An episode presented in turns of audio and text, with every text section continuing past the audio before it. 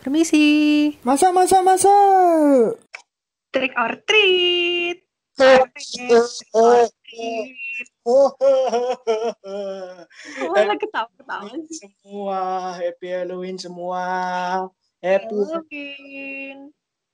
Pak RT saya nggak dapat ini nih, nggak dapat coklat apa permen gitu kan. Tadi saya udah trick or treat nih. wah kalau permen di sini nggak ada ada nih teh mau Nggak apa-apa deh. Penting di sini teh manis. kita kita Yang di penting, sini yang penting manis. oh lihat saya aja udah manis kok oh, Aduh, no, no, no. aduh, ayo aduh, aduh, aduh, aduh. Aduh. Aduh, aduh, aduh, aduh. Ah, Oke, jadi para tetangga, hari ini kita udah ada di episode yang ke-12. Hari ini kita bakal ngebahas tentang Halloween. Karena Halloween? tepat banget, tepat banget ya Pak RT, tanggal 31 itu adalah hari Halloween. Tapi sebenarnya Pak RT, Pak RT Hah? sendiri tahu nggak sih sebenarnya Halloween itu apa? Halloween eh, emang di Indonesia ada ya Halloween Nah, itu dia. apa itu Itu Halloween dia yang mau kita bahas. saya ah, saya harus berpura-pura tidak tahu oke ah apa itu Halloween. Oke, Pak RT dong yang ngejelasin dong Halloween itu apa sih sebenarnya? Karena kan memang Halloween itu bukan budaya kita kan sebenarnya bukan budaya Indonesia, tapi semakin semakin ke sini sebenarnya semakin banyak kayak kafe-kafe atau bar mungkin atau klub-klub eh, yang ngadain kayak pesta kostum gitu-gitu loh. Ya, oke. Jadi karena kita semua tidak tahu ternyata kalau di Indonesia tidak ada Halloween, jadi kita Ah, pertama kali dulu kita bakal bahas dulu Halloween itu apa kan? Bener nggak? Yes, that's right. Ya, karena saya juga tidak tahu Halloween apa. Jadi berdasarkan dari Wikipedia, sumber tercinta kita, Halloween itu berarti malam hari semua orang kudus. So, berarti buat umat-umat yang lain, hari orang kudus itu kayak apa ya contohnya? Kayak di Katolik, hari arwah atau apa ya? Bener gak sih? Hmm, jadi sebenarnya Halloween ini tuh adalah malam hari semua orang kudus. Nah, ini nih perayaan kekristenan gitu loh Pak RT sebenarnya. Nah, terus, Perayaan perayaan mengenang mengenang arwah-arwah yang sudah meninggal terus kita mendoakan arwah-arwah itu gitu sebenarnya. wow, ternyata orang-orang arwah juga masih dihargai lewat adanya Halloween ini berarti hitungannya. Iya dong, pasti. Nah, terus kegiatan Halloween ini tuh eh kegiatannya tuh banyak banget Pak RT macamnya. Jadi kayak ada trick or treat. Trick or treat tuh kayak hal yang terkait penyamaran dengan kostum seram kayak gitu kan. Biasanya anak-anak kecil tuh kalau misalkan di luar negeri tuh kalau udah Halloween, mereka pasti bakal pakai kostum gitu kan. Mereka Ya. pakai kostum terus dari rumah ke rumah itu mereka bakal ketuk pintu, mereka bakal ngomong trick trick or treat kayak gitu. Terus mereka dapat dapat permen atau coklat gitu sih. Tapi yang dibingungin ya, tapi yang kalau saya bingungin itu sebenarnya di film-film banyak orang, banyak anak kecil yang pakai baju Batman, Robin Hood, atau Superman, Aha. atau apa. Kan emang Superman begitu semenakutkannya gitu di film-film sampai orang-orang tuh sampai anak kecil pakai kayak gitu, sampai pakai kostum Mungkin Superman. Superman kuat loh. mungkin mereka lebih ke ke makna di pesta kostumnya kali ya Pak RT. Maksudnya bukan bukan yang berkesinambungan ke serem-serem Halloween-nya gitu, tapi lebih ke pesta kostumnya kali ya. Kalau saya sih nanggepnya kayak gitu. Wow, ternyata Nah, Super- tapi Pak RT tahu nggak sih sebenarnya kalimat trick or treat ini, kalimat trick or trick or treat ini kan kayak terkenal banget kan setiap kali Halloween tuh pasti kalimat ini tuh bakal muncul gitu loh, apalagi buat anak-anak kecil. Nah, sebenarnya kalimat trick or treat ini awalnya itu digunakan sebagai mantra yang dipercaya dapat menenangkan roh jahat. Nah, faktanya sebenarnya arti-arti dari trick or treat itu sebenarnya adalah man- mantra, suatu mantra gitu. Tapi habis itu lambat laun dipakai sama anak-anak buat cari permen. Dulunya itu eh, anak-anak yang make trick or treat ini cuman buat anak-anak yang kurang mampu aja, yang pakai Oh. kalimat trick or treat buat dapetin makanan. Tapi semakin semakin ke sini ternyata trick or treat ini dipakai sama semua orang gitu, Pak RT. Jadi ternyata penyihir gara-gara trick or treat nggak ada harga dirinya ya. Sekali mantra langsung maksudnya? anak kecil semua trick or treat. Kasihan doi ini padahal bikin, Ah, gitu. bikin susah-susah ternyata buat anak kecil yang pakai baju Superman, pakai baju Robin Hood. Kan ya kasihan. Tapi kayak gemes gitu nggak sih? Soalnya kalau kalau kalau saya ngelihat nih ya, kayak misalkan saya ngeliat di YouTube kayak gitu-gitu ada vlogger-vlogger di luar negeri sana. Itu tuh mereka malah malah kayak adu kreativitas gitu loh Pak RT. Justru bisa ngambil-ngambil poin serunya menurut saya di situ sih. Jadi menguji kreativitas gitu. Kreativitas eh, labu, kalau nggak eh, kreativitas kamu mau pakai kostum apa kayak gitu-gitu. Iya dan selain itu ya nggak selalu serem juga kan sebenarnya Halloween itu bisa jadikan karena tadi perayaan orang kudus ya mungkin ada doa-doa apalagi sebenarnya Halloween Yes. itu kalau di Wikipedia sebenarnya itu perayaan hari suci bagi orang meninggal sebelumnya itu ada namanya Tri Hari Suci kalau nggak salah ya ya ya Mhm. bukan Tri Hari Suci jadi orang merayakan lewat doa-doa atau apa gitu jadi nggak semuanya harus menakutkan waktu Halloween Benar sekali. Nah, Pak RT, Pak RT nih kayaknya tahu nih mitos dan fakta tentang Halloween nih. Kalau mitosnya apa nih Pak RT? waduh mitosnya kamu pernah tahu Jack or Lantern belum Jack O'Lantern belum belum. Siapa tuh? Tukang ini ya? Tukang batagor ya? Bukan. Wah, bener banget dong. Bener. Kok tahu? Wah. Oh, maaf, maaf, maaf. Enggak, enggak. Ternyata salah. Nebak saya emang. Ternyata salah. Jadi sebenarnya pendengar dan tetangga-tetangga sekalian, Jack O'Lantern itu sebenarnya adalah seorang petani yang malas tapi cerdas. Hmm, Kasihan, Oke. udah malas tapi cerdas. Tapi di sini diceritain kalau dia itu berhasil menipu iblis agar tidak dimasukkan dalam neraka. Tapi tapi tidak juga diizinkan masuk surga karena dosanya. Wow. Kasihan ya berarti Jack O'Lantern. Oh, oh jadi Jack O'Lantern ini yang jadi simbol Halloween itu nggak sih Pak RT? Jadi bukan kan biasanya kalau Halloween tuh eh, simbol-simbolnya tuh kan ada labu, buah labu tuh biasanya pumpkin. Terus ada orang-orangan sawah itu. Berarti si Jack, Jack O'Lantern ini tadi ya orang-orang Ya, yang digambarkan sebagai orang-orang sawah itu ya. Dan uniknya, jadi biasanya arwah Jack O'Lantern ini karena tidak masuk neraka sama tidak masuk surga, akhirnya berkeliaran dan membawa lentera. Itu. Oh, Tapi itu nggak tahu secara fakta atau mitos. Itu masih belum tahu. Oke, Masih bukan. oke.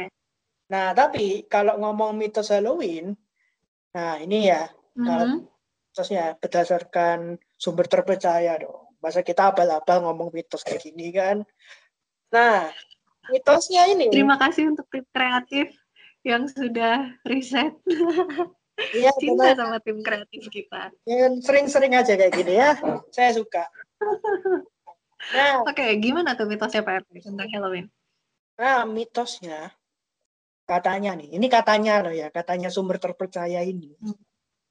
Melihat laba-laba di malam hari waktu Halloween, itu berarti ada arwah orang yang sayang kita itu sedang mengawasi.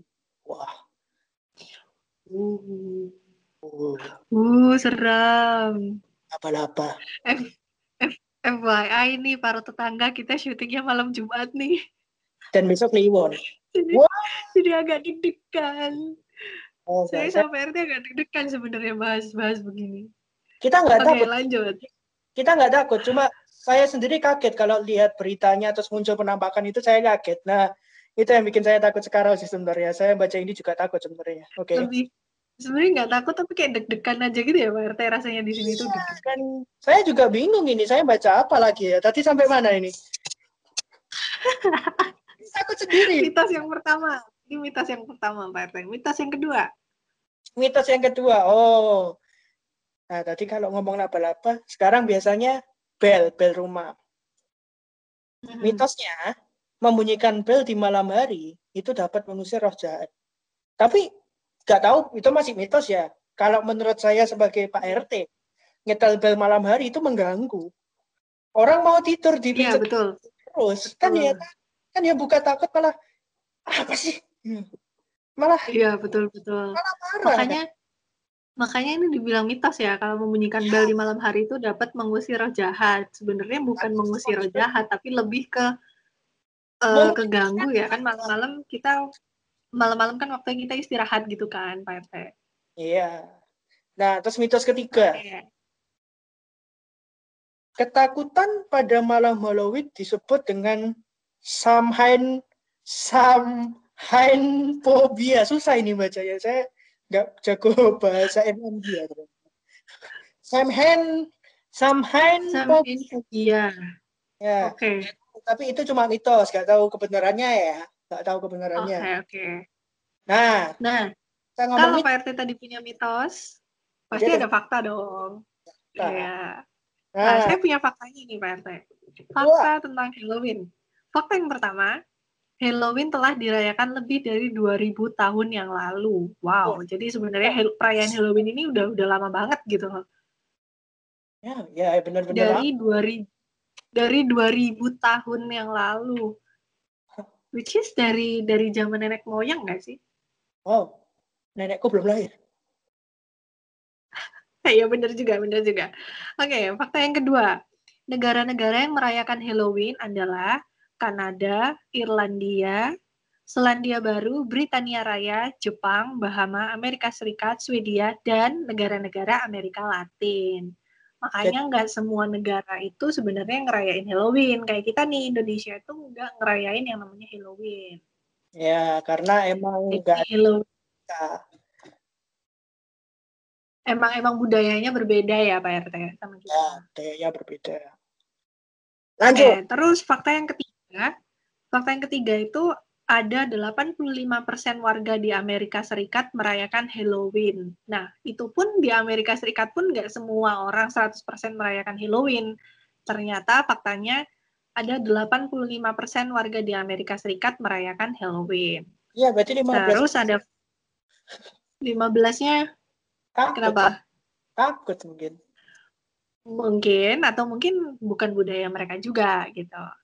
Dan fakta yang terakhir yaitu konsumsi gula pada perayaan Halloween jauh lebih besar daripada Natal dan Valentine. Tapi Oh, emang bener sih, Enggak. tapi emang bener sih Pak RT. benar ini. Fakta ini, ini bener, ini bener banget. Karena kalau saya lihat kalau saya lihat di YouTube, terus saya juga waktu itu pernah nonton The Ellen Show. Nah, Nah, ya. di Ellen Show itu dia waktu Halloween itu bener-bener ngebagiin coklat sama permen itu bener-bener satu bakul gede untuk satu orang anak. Wow. Itu kayak bayang banget gitu konsumsi konsumsi gula terus konsumsi kayaknya cocok buat Pak RT deh. Pak RT kan suka yang manis-manis ya. Oh, enggak ada menakutkannya, saya takut sih lebih tepatnya. Berarti Hmm, kasihan budaya-budaya kasihan udah ditakutin tiba-tiba dikasih gula-gula waduh. Tiap Iya itu juga juga serem juga ya. Diabetes. Itu sih serem. Itu serem juga ya. Nah tapi Pak RT kenapa ya? Eh, kalau misalkan Halloween itu akhirnya disangkut pautin sama yang horor-horor gitu pengalaman-pengalaman horor. Oh. karena mungkin tadi karena mungkin tadi karena Halloween ini eh, apa namanya bisa disebut sebagai perayaan untuk mengenang arwah makanya jadi jadi kebawa horornya gitu ya Pak RT ya? Iya dan karena arwah itu kan berarti spirit lah atau energi atau se ya, Hmm. bisa dibilang setan atau apa gitu ya arwah lah bisa dibilang. Dan arwah itu biasanya kan dikonotasikan dengan hal yang negatif sebenarnya. Jadi ya banyak yang ngomong yaitu malam yang menakutkan padahal ya enggak juga Iya, benar-benar. Nah, ngomongin yang horor-horor, ngomongin hantu-hantu. Saya Pak RT benci. pernah nggak saya benci punya Ya kalau mau bridging ini saya benci ini sebenarnya. Bisa nggak ini kreatif lain kali nggak usah bridgingnya kayak gini? Eh benar-benar membuat saya takut ini. Saya nggak takut saya juga saya takut ini. baca beritanya. Tim tim kreatifnya bisa-bisanya suruh kita membahas hantu-hantu yang ada di Indonesia loh. Takut loh saya nanti kalau aku panggil gimana. Hei, kepanggil apa? Saya baca aja takut. Aduh. Oke, okay. balik ngomongin masalah masalah horor. Pak RT ada punya pengalaman horor nggak sih selama selama hidup ini? Wah, barangkali Pak RT punya pengalaman yang serem. Pernah sih. Se mau yang serem banget atau biasa? Kalau serem banget itu pernah di mana ya waktu itu ada acara di luar kota di Trawas kalau nggak okay. salah. Trawas atau Pacet, saya lupa. Hmm.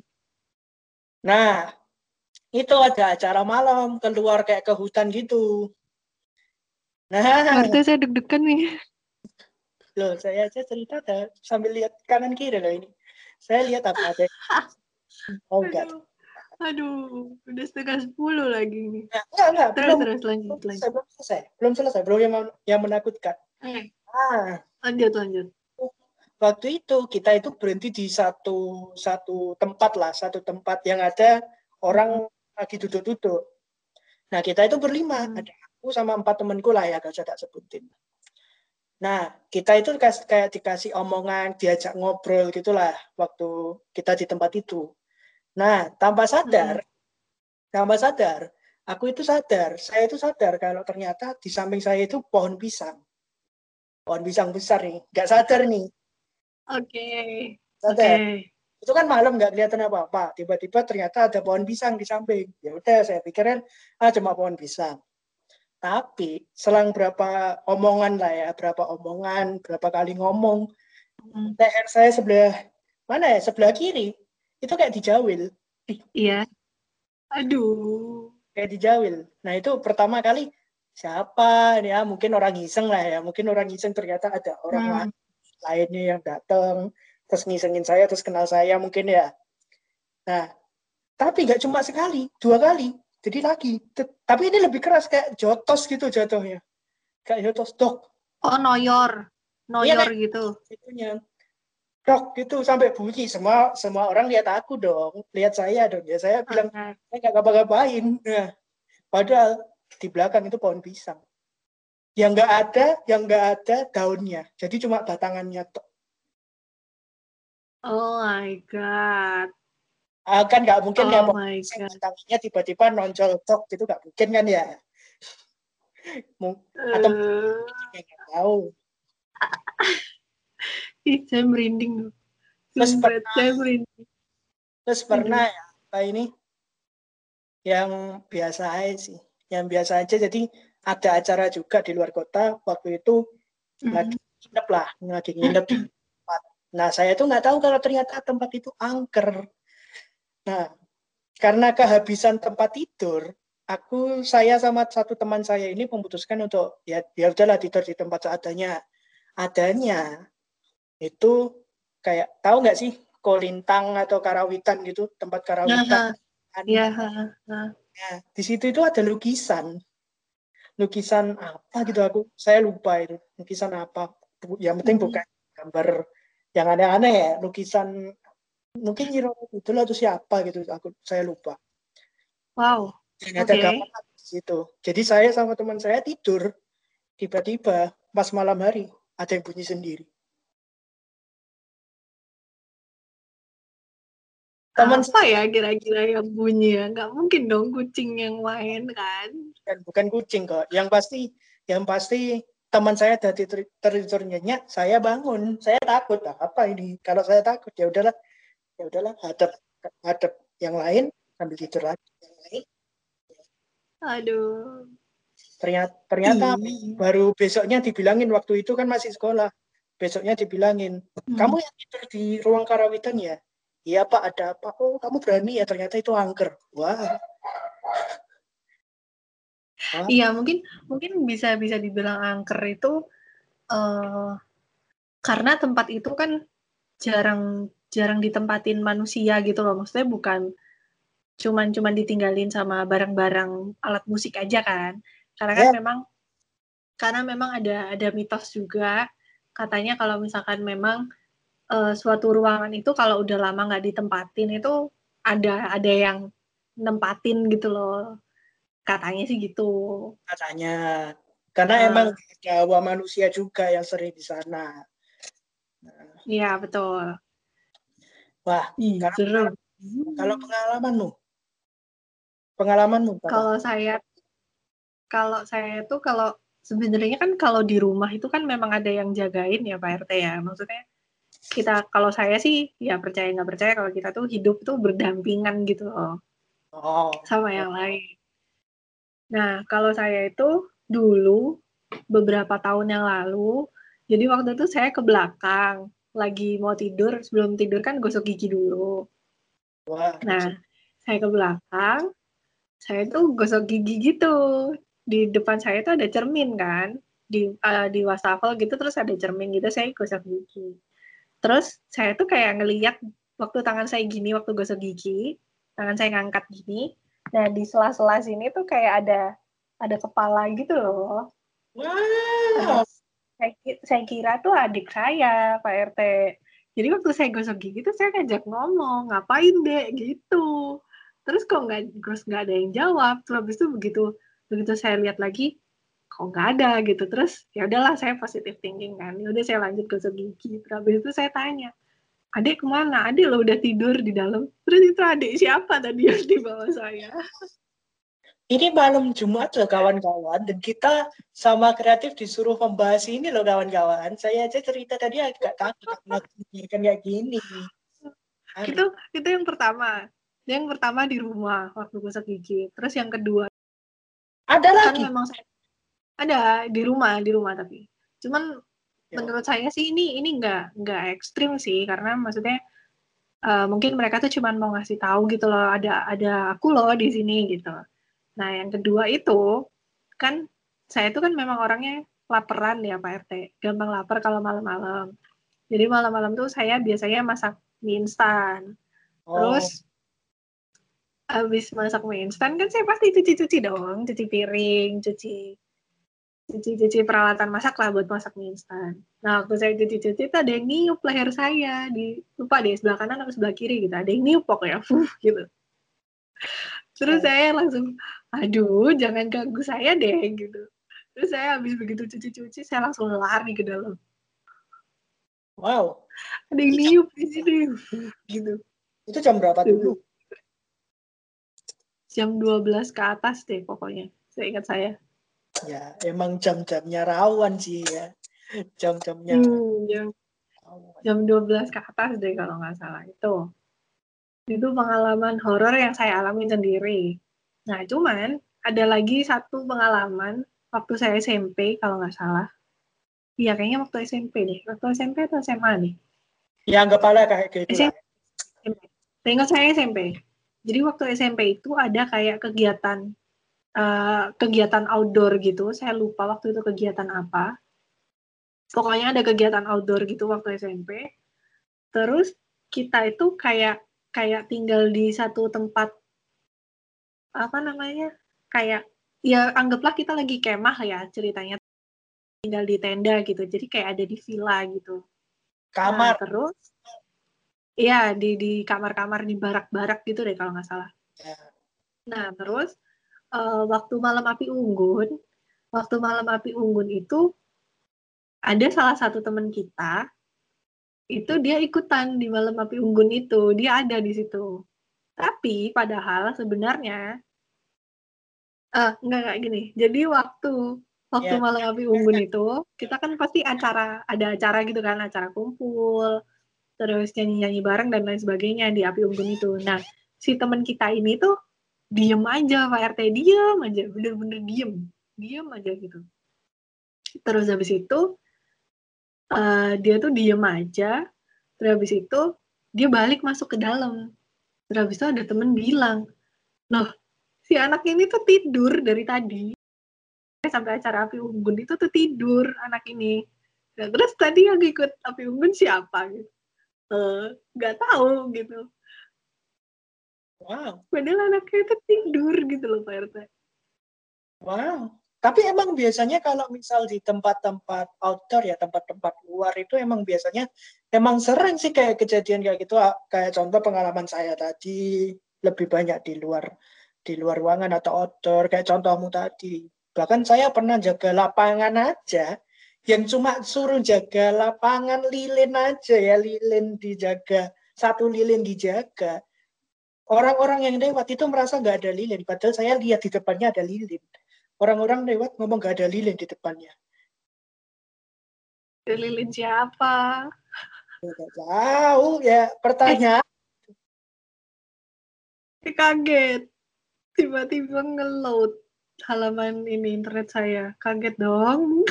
Nah, apakah ini pertanda kalau kita bakal bridging ke satu berita yang kita buka sama-sama ini ataukah beritanya ini emang mau dibuka sendiri? Saya juga tahu Waduh, jadi jadi Parno. Nah ini nih sama sama tim kreatif nih Pak Arte kita tuh disuruh ngebahas tentang hantu-hantu yang ada di Indonesia. Wah. takut. Banyak banget juga ini. 40 nah, iya 40 tapi hantu-hantu di Indonesia yang Pak RT tahu tuh apa sih. Saya mau nyebutnya takut loh ini. Wah, kalau saya sih, saya harus melihat kanan kiri dulu sih sebenarnya. Aman nggak ya? Aman nggak ya? Pasti aman, pasti aman. Saya takut. Ah, kalau oh, biasa, kayak ada, biasa ya yang kalau ter... saya dulu zaman zaman kecil itu biasanya kan orang-orang tua tuh biasanya kalau misalkan kita pernah nggak sih Pak itu kalau misalkan kita lagi main nih terus hmm. itu udah udah menjelang maghrib terus kita tuh pasti udah langsung disuruh pulang gitu. Eh pulang. Kalau gak kamu diculik genderuwo loh. Pasti gitu. Nah ya sering gitu sering gitu pernah ya? Sering. Sering. Katanya tuh soalnya genderuwo tuh suka sama anak kecil gitu. Oh gitu. Sering. Kalau saya sering kayak gitu. Partai saya deg-degan loh ini mau bahas ini loh. Kenapa deg-degan? Saya yang deg-degan. Saya lebih deg-degan ini, saya baca ini. Aduh. Terus ada lagi hantu. Ini sebenarnya kalau kalau dipikir-pikir ya, uh, hantu yang satu ini tuh kayak lucu gitu loh sebenarnya. Dia kecil, kepalanya botak, gitu kan. Ya ampun, hantu gak ada diri harga dirinya loh. Dibilang lucu loh ya ampun. Harusnya harusnya lucu ya. tapi kan kalau misalkan kalau misalkan kita lihat bentuk aslinya kan serem juga gitu apa tuh apa tuh yang biasanya pakai popok gak? Eh uh, iya pakai celana dalam. Nah itu saya bingung itu popok atau Duh Pak RT aja deh yang bahas. Eh serius ya serius ya tiba-tiba kita bahas ini ternyata ada satu satu satu chat tiba-tiba ngirim berita horor loh ke saya. Ini tiba-tiba serius, serius, serius. Tiba-tiba ngomong hantu di kosan urban legend dari Wow. Ada ada. Wow.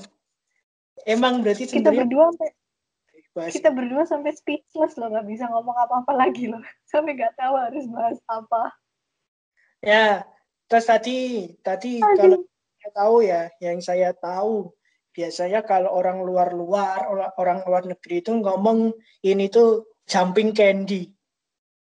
Apa tuh? Jumping candy yang loncat-loncat. Gak tahu saya. Ya ampun, masa nggak tahu ini lah terkenal di luar negeri. Mumun, mumun, mumun, mumun. Saya kasih kata kunci. Mumun. Mimin. Siapa sih namanya? Ya, nggak tahu lah. Nah, itu namanya pocong. The jumping candy. Oh, jumping candy. Kalau di luar negeri ngomongnya kayak gitu, jumping candy. Karena emang nggak tahu bahasa Inggrisnya untuk pocong ini apa, nggak ada yang tahu kan. Kenapa candy? Oh, karena bentuknya kayak lollipop kan, kayak stick lollipop loh.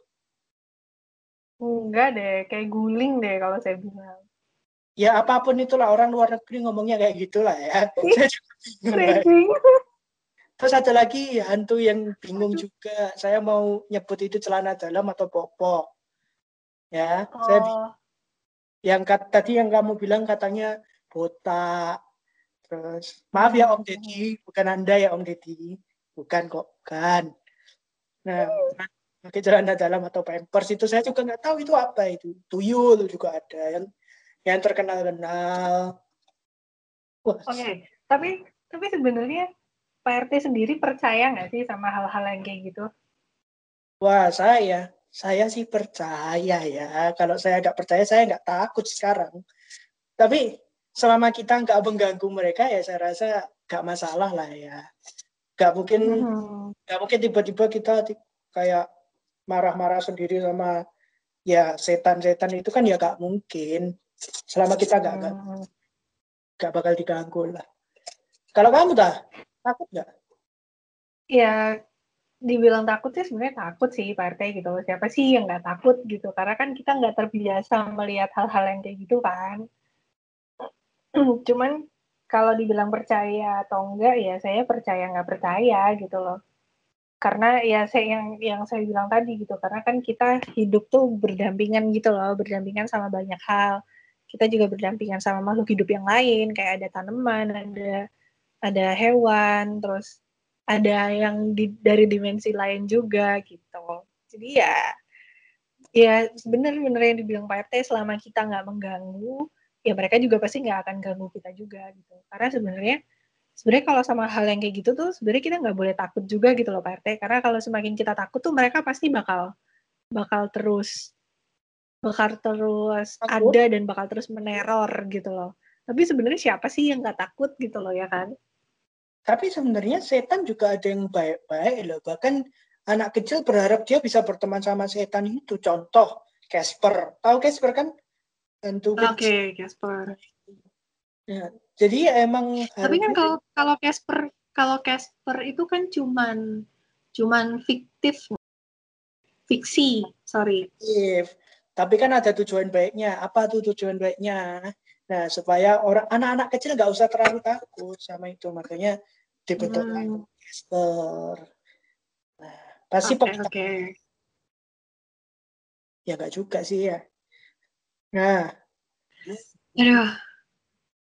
Wow. Kita tuh sampai udah nggak bisa ngomong apa-apa lagi loh Pak RT. Karena jujur ya, jujur ya para tetangga, uh, kita pertama nih fakta pertama kita syuting di malam Jumat. Terus ini kayak udah malam banget. Habis itu uh, sama tim kreatif dikasih materi yang ya cukup cukup menyeramkan lah bisa dibilang gitu. Saya protesnya untung kita nggak jadi ngajak untung kita nggak jadi ngajak anak indigo. Iya, sebenarnya ada, tapi untung nggak jadi. Saya takut di belakang-belakang saya saya diterawang, saya kelihatan transparan nanti. Saya enggak dong, enggak dong. Oke, jadi para tetangga kayaknya di episode 12 ini kayaknya sampai sini dulu kita ngebahasnya karena saya sama Pak RT udah bener-bener speechless gak tahu harus ngomong ngobrolin apa lagi karena udah terlalu deg-degan. Dan ya sih Pak RT? juga mencegah ke malam hari karena kalau kita ngomong ini di malam hari lebih malam lagi akan menjadi sangat menakutkan buat kita berdua. Jadi sampai sini, dulu, sampai sini dulu podcast episode ke-12 tentang Halloween ini. Terus kalau misal ada saran buat episode ke depan, kalian bisa komen di IG dari Ayo Produksi atau langsung DM ke Instagram kita. Apa ta IG-mu ta? Birgitata 20 dan IG ku Richard Kurniawan 88 ya, bukan kayak seni ya, Richard Kurniawan 88. Atau bisa langsung Udah ganti. Instagram Ayo Produksi. Atau buat para tetangga yang punya cerita-cerita seru atau cerita pengalaman horornya juga bisa banget diceritain bareng sama kita. Oh ya, bentar lagi mungkin kita bakal ngadain kuis ya Pak RT. Mungkin ada kuis mungkin para tetangga bisa ikutan di kuisnya yang ada di Instagramnya Yo Produksi. Akankah ada hadiahnya kembali? Kita nah, tidak pasti, tahu. Nah, pasti ada. Tapi tapi yang penting selalu simak podcast, video atau apa pun dari Ayo Produksi karena pasti kuisnya berasal dari sana. Gak mungkin kuisnya nggak dari sana. Benar, that's right, benar sekali. Oh ya, jangan lupa juga sekarang podcast Pak RT udah ada di Spotify teman-teman dengan keyword podcast Pak RT. Jangan lupa di follow biar kalian nggak ketinggalan episode-episode terbaru dari Pak RT. Dan juga jangan lupa di subscribe YouTube-nya Ayo Produksi ya Pak RT. Ya, Ayo Produksi bisa langsung dicek keywordnya juga Ayo Produksi Pak R atau langsung kalian ketik aja Pak RT di keywordnya dari YouTube kan bisa menemukan Pak RT di situ. Dan jangan lupa follow Instagram kita, Ayo Produksi, I-nya dua.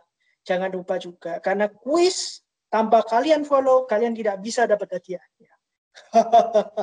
That's right. Hadiahnya beneran ada loh. Kemarin udah ada yang menang ikutan kuis, dapat hadiah 50 ribu. Nah, hadiahnya ini kalian mau pulsa, mau GoPay, atau mau OVO, atau mau apa pun, nanti kalian bisa pilih. Oke, gitu aja para tetangga nantikan episode-episode berikutnya dari podcast Pak RT dan juga kuis-kuis serta hadiah-hadiah yang lainnya dari podcast Pak RT. Terima kasih sudah mendengarkan hari ini. Happy Halloween. Selamat malam. Dah.